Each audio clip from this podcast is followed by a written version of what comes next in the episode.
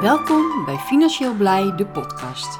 Mijn naam is Helga Tijdeman en in deze podcast gaan we het hebben over jou en mijn financiële situatie. En vooral de vraag of je blij bent met deze situatie. Kan of wil je dit veranderen? Om hierachter te komen, luister dan naar deze podcast. Heel veel luisterplezier. Leuk dat jullie weer luisteren naar de derde podcast van dit seizoen. En het onderwerp van deze podcast is: Schaam jij je voor je schulden? Ik spreek een, stukje uit ervaring. Ehm, in het verleden heb ik schulden gehad waar ik me zeker toen best voor schaamde. Maar ik kom ook heel vaak met mensen in gesprek die ook aangeven dat ze zich uh, erg schamen voor hun schulden of zich hebben geschaamd voor hun schulden. Zit jij in zo'n situatie en uh, zou je daar ook wel eens over willen praten? Het mag natuurlijk ook geheel anoniem. Neem dan contact met ons op. Je kan ons altijd mailen via info@financieelblij.com. En je kan ook je verhaal gewoon in een mail aan ons kwijt. En dan kunnen wij hem misschien gebruiken voor een podcast. En het kan natuurlijk ook geheel anoniem zijn. Maar schamen voor je schulden. Ik. Uh, weet van mezelf uit het verleden dat ik ehm, me echt wel schaamde voor mijn schulden. Mijn omgeving was er ook niet altijd van op de hoogte, of eigenlijk helemaal niet van op de hoogte, dat ik schulden had. Ja, wel mijn hele directe omgeving, zoals mijn ouders en mijn zusje.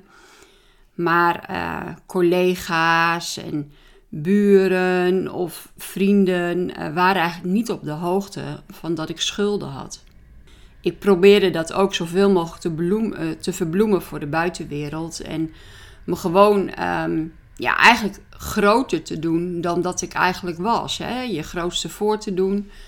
Uh, als er iets gedaan werd uh, waarvoor betaald moest worden. Um, nou, nooit erover um, klagen of zeuren, maar gewoon gelijk dat betalen als er uh, uitgegaan werd en we gingen uit eten, dan zou ik niet afzeggen. Dan ging ik gewoon mee, al moest ik daar bij wijze van spreken een rekening voor laten liggen. Uh, mijn buitenwereld, mijn vriendenkring, mijn collega's, ja, die wisten gewoon niet in welke situatie ik was. En ik schaamde me daar gewoon wel echt voor, want ik was toch gewoon een, een fulltime werkende vrouw. En um, dan schulden hebben past eigenlijk niet in dat plaatje. Niet getrouwd, geen kinderen. Dus ja, wat heb je dan voor kosten? En doordat je er niet over praat en eigenlijk jezelf groter uh, voordoet dan dat je eigenlijk bent, dan ja, gaat eigenlijk die schuldenberg alleen maar uh, erger worden. Want um, ja, met een groepje uit eten gaan. Ah, je gaat toch wel mee. En uh, eigenlijk kan je dat etentje niet eens ver veroorloven, maar je doet het toch maar. Of um, ja, voor een verjaardagsfeestje toch net weer uh, het hogere bedrag betalen dan dat je eigenlijk voor jezelf had gepland wat je zou betalen voor een verjaardagsfeestje. Of nou, allemaal van dat soort situaties, daar kom je in terecht als jij niet open bent over jouw schulden. Maar ook omdat je niet open bent over jouw schulden, kan je er ook met niemand over praten. En als je met niemand kan praten over je schulden, dan gaat dat in, je hoofd een eigen leven leiden. Maar uiteindelijk maken schulden jezelf ziek. Voel je je niet meer lekker, eh, je gaat niet lekker in je vel zitten, uh, je wordt depressief. Nou ja, noem maar op. Het kan van, kan van kwaad tot erger gaan. Ehm, nu is het bij mij ehm, gelukkig nooit zo ver gekomen dat ik er echt helemaal depressief van ben geworden.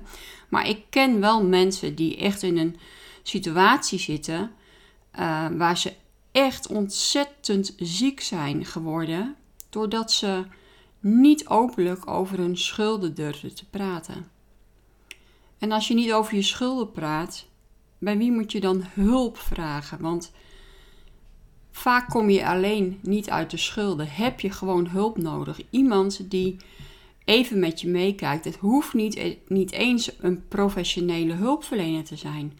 Maar is er alleen al iemand die gewoon even met je meekijkt of misschien even samen met jou een overzichtje kan maken met hè, wat komt er nou eigenlijk bij jou binnen?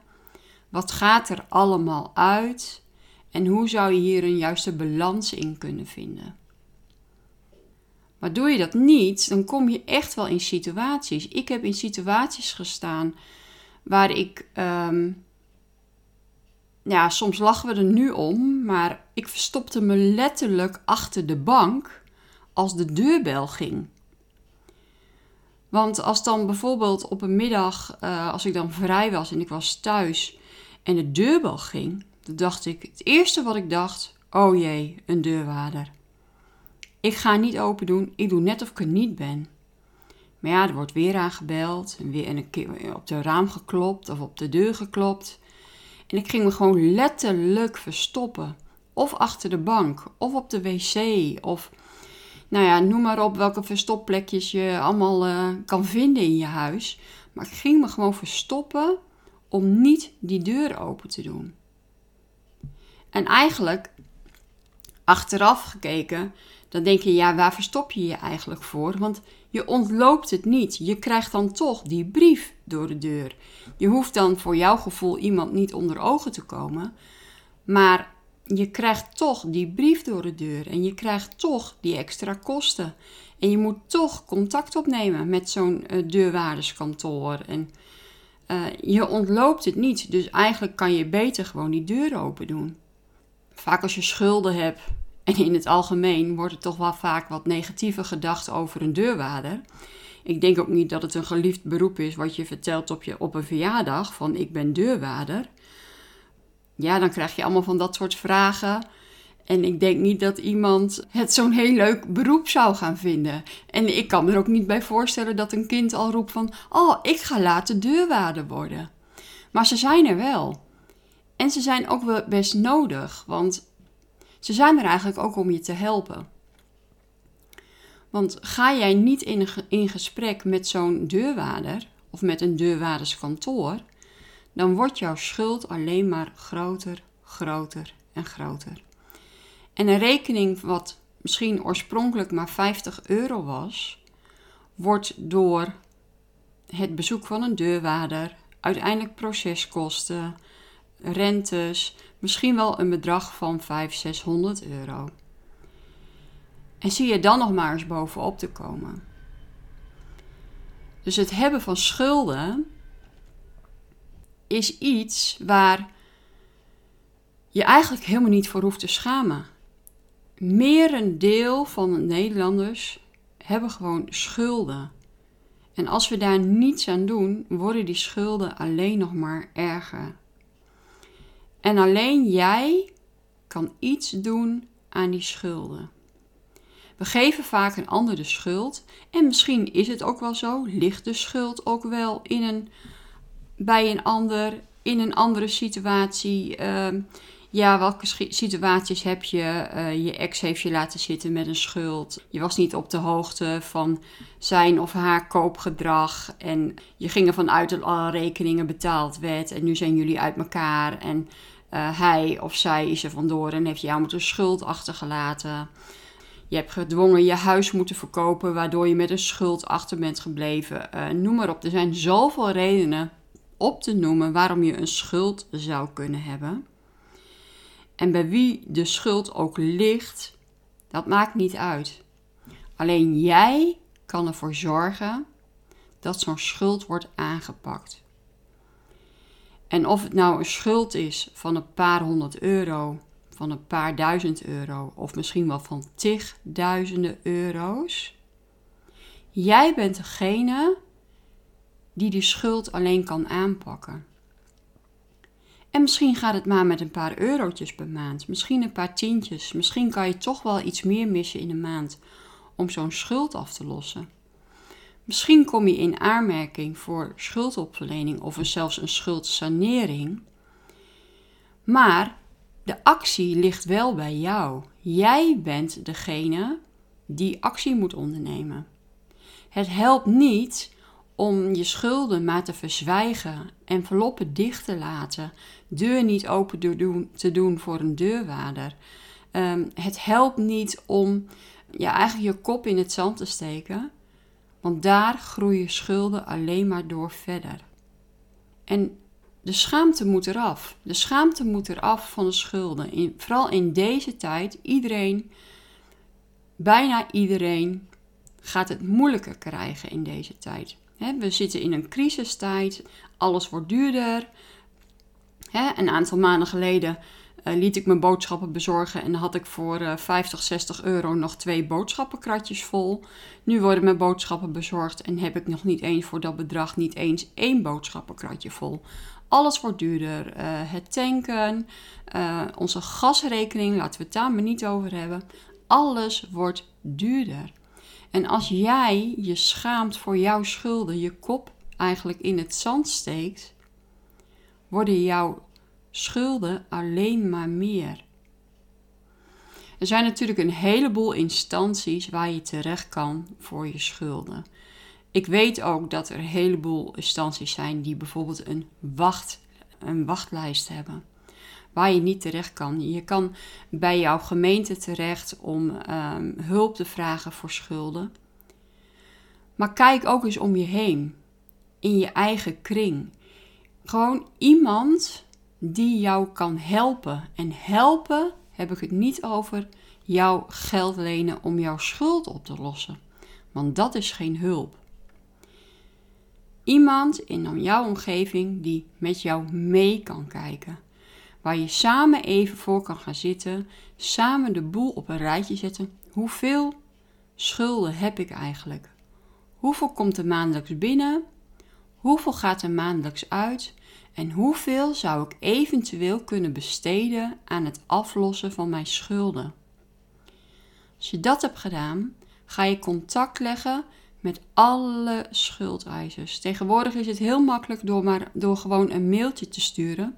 Je hoeft niet eens meer een brief te schrijven, postzegel te kopen, naar een brievenbus te lopen. Nee, bijna iedereen, elk deurwaarderskantoor, maar ook elk uh, bedrijf heeft gewoon een e-mailadres. Je kan gewoon per e-mail contact leggen.